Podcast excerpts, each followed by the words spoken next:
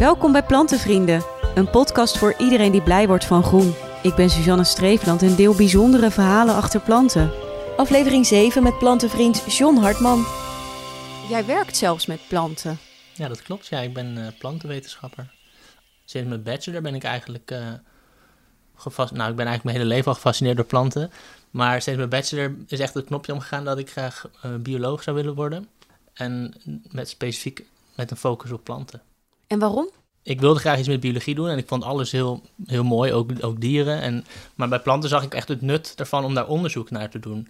Um, planten zijn, zoals je weet, voor alles, voor, voedsel zijn ze noodzakelijk, maar ook voor zuurstof en brandstof.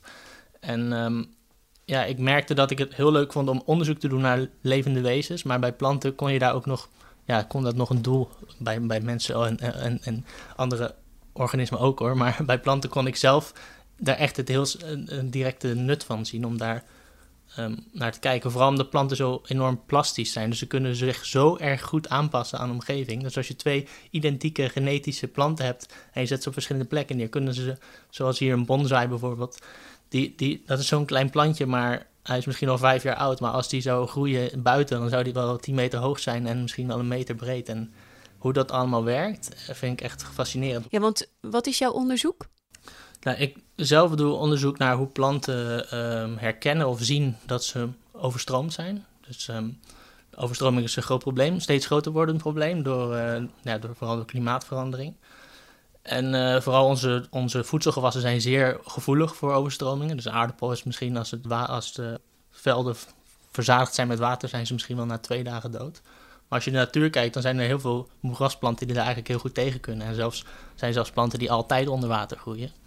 Nou, hoe kan dat nou, weet je wel? En dat vind ik heel interessant. Dus ik kijk hoe planten kunnen ze overstromingen overleven, hoe herkennen ze het, wat voor uh, processen en, en, groeiprocessen, maar ook moleculaire en uh, chemische processen zetten ze aan om, om te zorgen dat ze niet onder water stikken.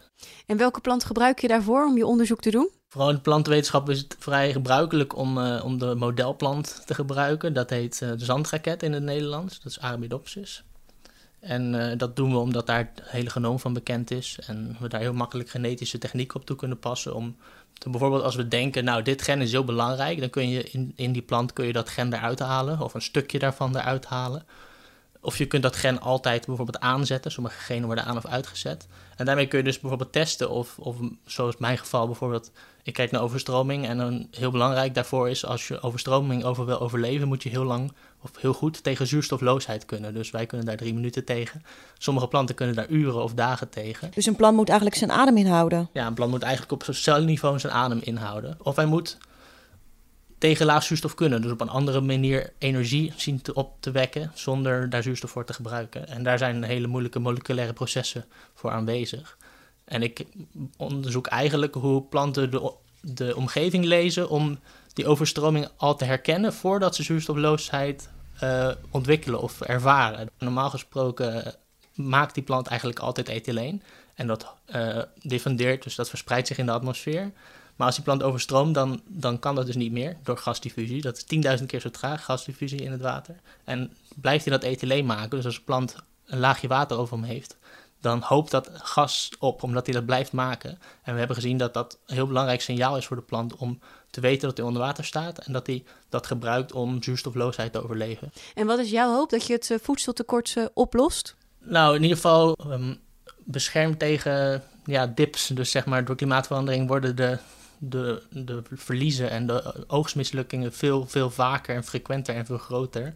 Als we dat iets minder kunnen als we dat iets beter kunnen maken, zodat het niet in één keer op een heel continent door droogtes en overstromingen alles, niet, uh, alles is mislukt. Hè, dat willen we eigenlijk ietsje robuuster maken. Dat is wel mijn doel, ja.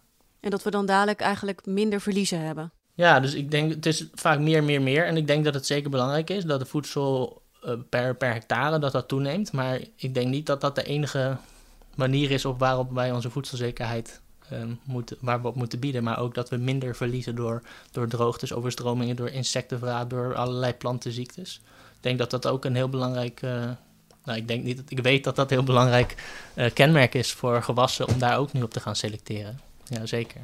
En jouw onderzoek die gaat natuurlijk dan over uh, voedselvoorziening uiteindelijk. Je hebt ook een voedselplantje meegenomen. Ja, ja als stekje uh, dacht ik de, de aardbei. Ik heb een klein aardbeistekje. Die zijn altijd wel vrij eenvoudig om ook, om ook te stekken. Dat doen ze lekker uit zichzelf.